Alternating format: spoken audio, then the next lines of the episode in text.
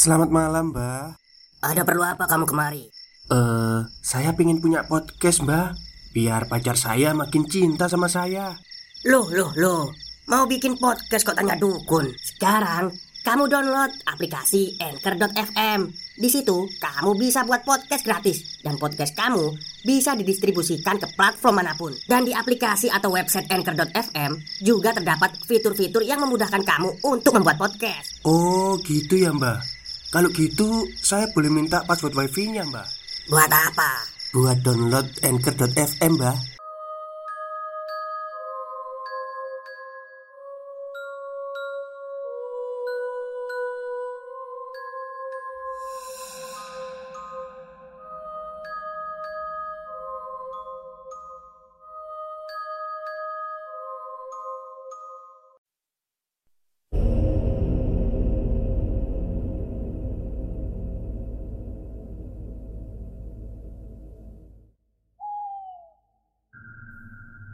Assalamualaikum warahmatullahi wabarakatuh. Halo semuanya. Jumpa lagi dengan saya Chow Sing Sing Kurator dari podcast Horror Night Story. Halo apa kabar semuanya? Semoga kalian semua sehat-sehat ya. Dan seperti biasanya pada siang hari ini saya kembali Dan akan menghadirkan sebuah kisah mistis untuk kalian semua.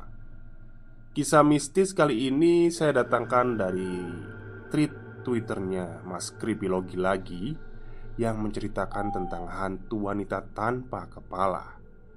Oke daripada kita berlama-lama Mari kita simak ceritanya. Ada sebuah legenda hantu Di sebuah kampung di Jawa Barat Yang menurut gue menarik banget. Saking menariknya, gue jadi begitu semangat mematahkan mitos itu dan langsung di depan para penduduk kampung itu. Tahun 2010 gue main ke rumah salah seorang kawan lama Dan keasyikan ngobrol sampai malam. Ya sudah, nginep aja sekalian.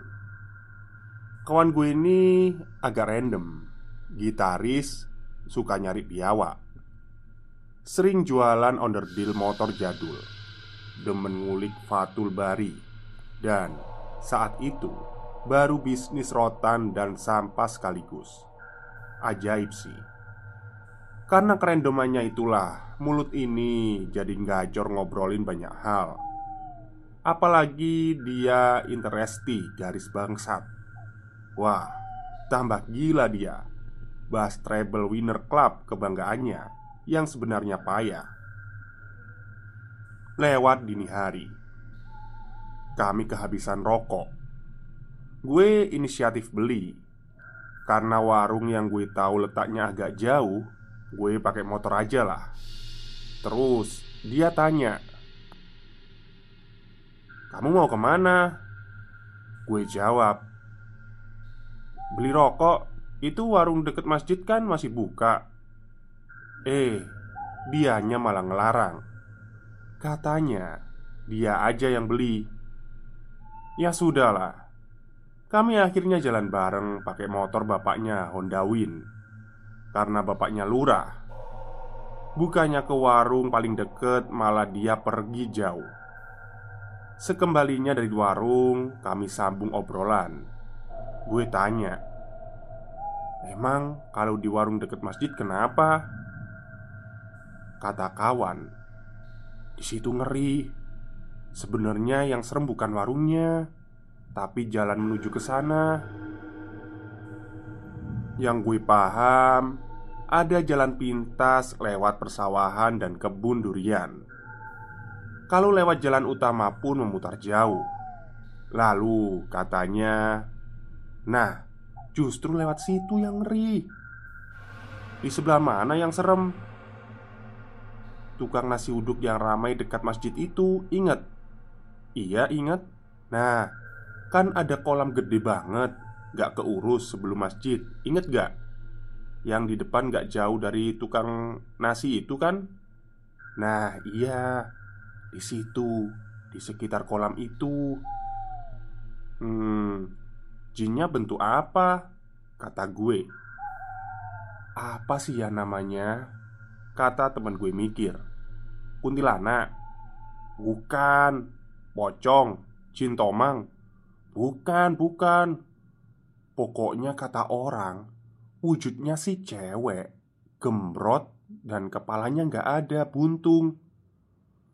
Emang lu pernah ketemu? Aduh, amit-amit naudzubillah deh. Jangan sampai lah Tapi denger-denger dari orang sini Banyak sih yang udah pernah lihat dan ketemu. Oke Temen gue ini alim Maksudnya berilmu. Pikirannya selalu sistematis dan berdalil. Kalau dia ngomong onderdil kayak anak STM Kalau ngomongin biawak Seakan-akan dia pernah jadi biawak Gue bingung Bahkan kalau dia sudah mulai membahas kitab Dan itu babon-babon Rasanya pengen gue cium tangannya Gimana? Enggak. Umur di bawah gue tuh 2, dua tahun. Tapi bahasanya itu Iana At-Taloibin. Udah kayak baca ikrok tiga. Kacau. Tapi Seampuh-ampuhnya Samson Betawi Pasti ada juga kelemahannya. Bulu ketek Kawan gue ini memang langsung kempes kalau berurusan dengan paranormal atau makhluk gaib. Gue nggak pernah tahu alasan pastinya. Yang pasti dia sangat penakut. Kemudian kembali lagi ke soal jin gembrot yang di empang terbengkelai itu. Gue bilang Bisa jadi itu cuma mitos. Lu pernah dengar cerita langsung dari orang yang ngalamin? Dia bilang belum pernah. Terus gue bilang lagi Kalau tempat itu horor dan banyak orang percaya Berarti nggak banyak orang lewat di sana. Memang gitu katanya. Jinnya serem banget kayaknya. Iya Berarti tempat itu sepi kalau malam. Siang aja sepi apalagi malam. Gak ada yang berani lewat situ. Paling Yang ke situ cuma yang punya kebun durian atau tukang-tukangnya. Nah Kalau nggak ada orang yang lewat nggak perlu ada cerita dong. Logikanya mesti begitu. Tapi Kawan gue tetap bertahan dengan keyakinannya. Meskipun dia sendiri kesulitan menunjukkan satu orang yang pernah mendapatkan pengalaman bertemu dengan makhluk gaib di empang itu. Paginya, gue diajak makan nasi uduk di depan empang yang katanya horor itu. Ternyata teman gue juga punya maksud lain, yaitu membuktikan kebenaran ceritanya dengan penuturan orang lain. Kebetulan hari itu hari Ahad, warung itu jelas ramai ada belasan orang di situ, entah makan nasi, ngopi, ngunyah ketan bakar. Pemilik warungnya seorang nenek dibantu anak dan cucunya. Ditanya tentang sosok jin gembrot yang lehernya putus. Karuan, itu nenek langsung ngoceh panjang. Meruntut satu demi satu pengalaman orang yang sampai di telinganya. Disusul para pengunjung juga menimpalinya setuju bahwa tempat itu angker dan gak perlu diganggu gugat. Ya, gue dengerin aja lah. Intinya mereka semua percaya. Tapi ada garis besar dalam kisah itu. Yakni semua pengalaman itu agaknya menjadi sudah lama. Bahkan ada yang mengutip kisah dari garis keturunan ketiga di atasnya. Nenek pemilik warung itu juga belum pernah mengalami secara langsung ternyata. Begitupun anak cucunya. Begitu pula semua orang yang ramai pagi itu. Lalu Gue tanya tentang itu empang punya siapa? Jawab mereka Dengan menyebut nama. Punya salah satu penduduk kampung itu. Tapi hampir semua ahli warisnya sudah pindah keluar daerah Gue sendiri sangat percaya itu cuma mitos. Tetapi belum berani terus terang. Kolam atau empang itu sepintas terlihat berada di wilayah cekungan Lalu berdempetan di antara dengan sawah. Orang Jawa dan Sunda memang suka bikin mitos untuk tujuan tertentu. Contoh Ada satu kampung di Kabupaten Bekasi yang memitoskan ular picung sebagai jelmaan hodam orang tua bahkan leluhur Jadi, jangan bunuh mereka Alhasil, si ular picung itu banyak banget berkeliaran. Manusia nggak ngebunuh, picung pun nggak keganggu. Ada evolusi perilaku berkat mitos itu. Ular picung itu bahaya, punya bisa sekaligus racun dari kodok. Mungkin mitos sengaja dibuat generasi di atas agar manusia dan picung saling mengerti kalau si ular picu nggak pernah dibunuh, mereka menganggap manusia bukan ancaman. Sebaliknya begitu juga, dan ternyata itu berhasil loh. Di Depok atau di Cilodong, gue pernah dengar mitos biawa. Salah satu biawa dibunuh, pelakunya bakal sial berkepanjangan. Biawa itu pemangsa tikus, kobra, dan lain-lain membuat mereka tetap di puncak rantai makanan itu, sekaligus mengendalikan kobra dan pengerat. Di Jogja, era 2000-an, ada satu tanah kosong yang dijadikan tempat pembuangan sampah liar. Kemudian tersebar isu di lokasi tersebut ada penampakan buto, uwe gombel, kuntilanak, dan teman-temannya yang lain. Tempat itu pun dihindari dan akhirnya nggak jadi TPS lagi. Ada satu pantai di wilayah Garut yang konon angker, baik pantainya maupun jalur menuju lokasi itu. Konon itu juga dikaitkan dengan Prabu Siliwangi. Faktanya, di daerah itu dibuka ribuan hektar perkebunan kelapa sawit. Gue nggak bilang mitos itu buruk seluruhnya. Malah bisa jadi berguna loh. Mitos dapat bekerja efektif untuk mencapai tujuan dari politik sampai lingkungan. Kembali pada cerita hantu gembrot. Gue kira itu berhubungan dengan lingkungan dan moral. Mitos itu diperlukan untuk Yang pertama Mempertahankan empang sebagai penampung air sekaligus persediaan air baku di sekelilingnya ada sawah yang gak bisa bergantung Tak ada hujan sepanjang tahun. Yang kedua Mencegah sebagian orang yang ingin melakukan kegiatan yang bertentangan dengan pandangan moral.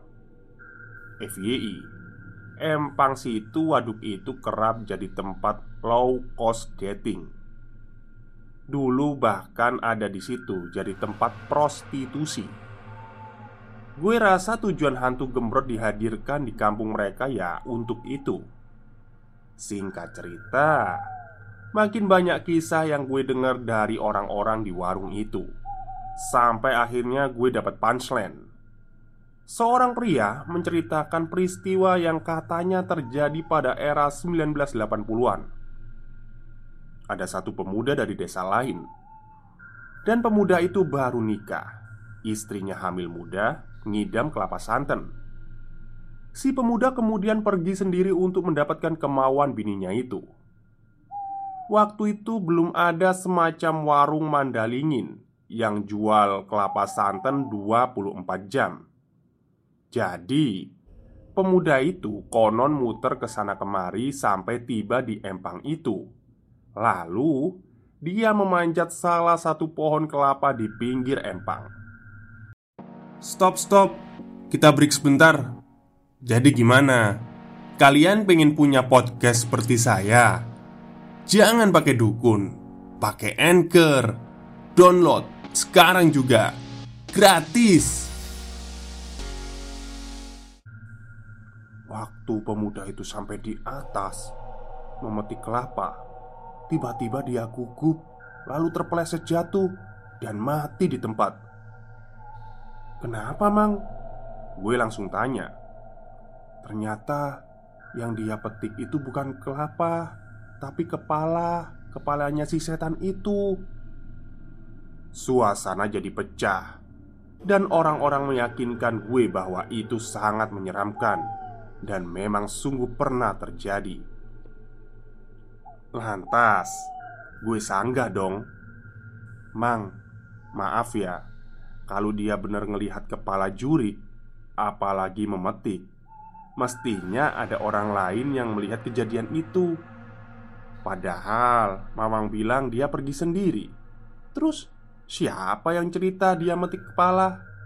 Kan orangnya mati di tempat. Maaf juga nih. Lagi pula pohon kelapa juga banyak di daerah ini. Kenapa harus jauh-jauh kemari? Jujur aja, waktu gue mengatakan itu rasanya wah keren banget gue. Rasanya keren lah pokoknya. Tapi ternyata suasana mendadak garing. Gue terpukul begitu banyak orang dengan premis sederhana. Bahkan teman gue yang otaknya bukan kaleng-kaleng Gak mampu membantah logika itu Butuh dua tahun agar gue sadar kalau tindakan gue mungkin gak semestinya begitu Makanya pada 2012 kemarin gue main lagi ke sana. Walau sudah kehilangan nomor telepon teman gue, rupanya dia sudah pergi ke Brunei untuk bekerja. Betul-betul gak bisa ditebak. Kemudian sengaja gue mampir ke empang angker itu Ada perempuan baru selesai dari sawah Gue ajak ngobrol aja.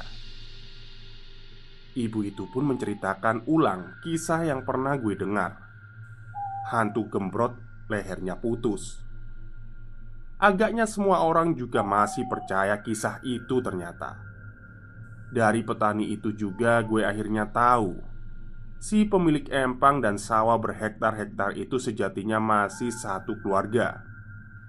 Demi bulir padi dan alam Yang menghasilkan berkah untuk manusia. Barangkali sebagian mitos sebaiknya dibiarkan saja seperti sedia kala. Selesai. Oke. Ya ada benernya juga ya mas kripilogi ya Kalau yang mengalami mati terus yang cerita siapa gitu ya? Tapi gimana ya? Hmm Mitos itu sebenarnya juga diciptakan oleh orang itu untuk bisa menjaga tempat itu juga itu juga bisa. Supaya nggak bisa nggak nggak dibuat apa berbuat senono atau kayak apa ya gak digusur itu kan juga bisa itu.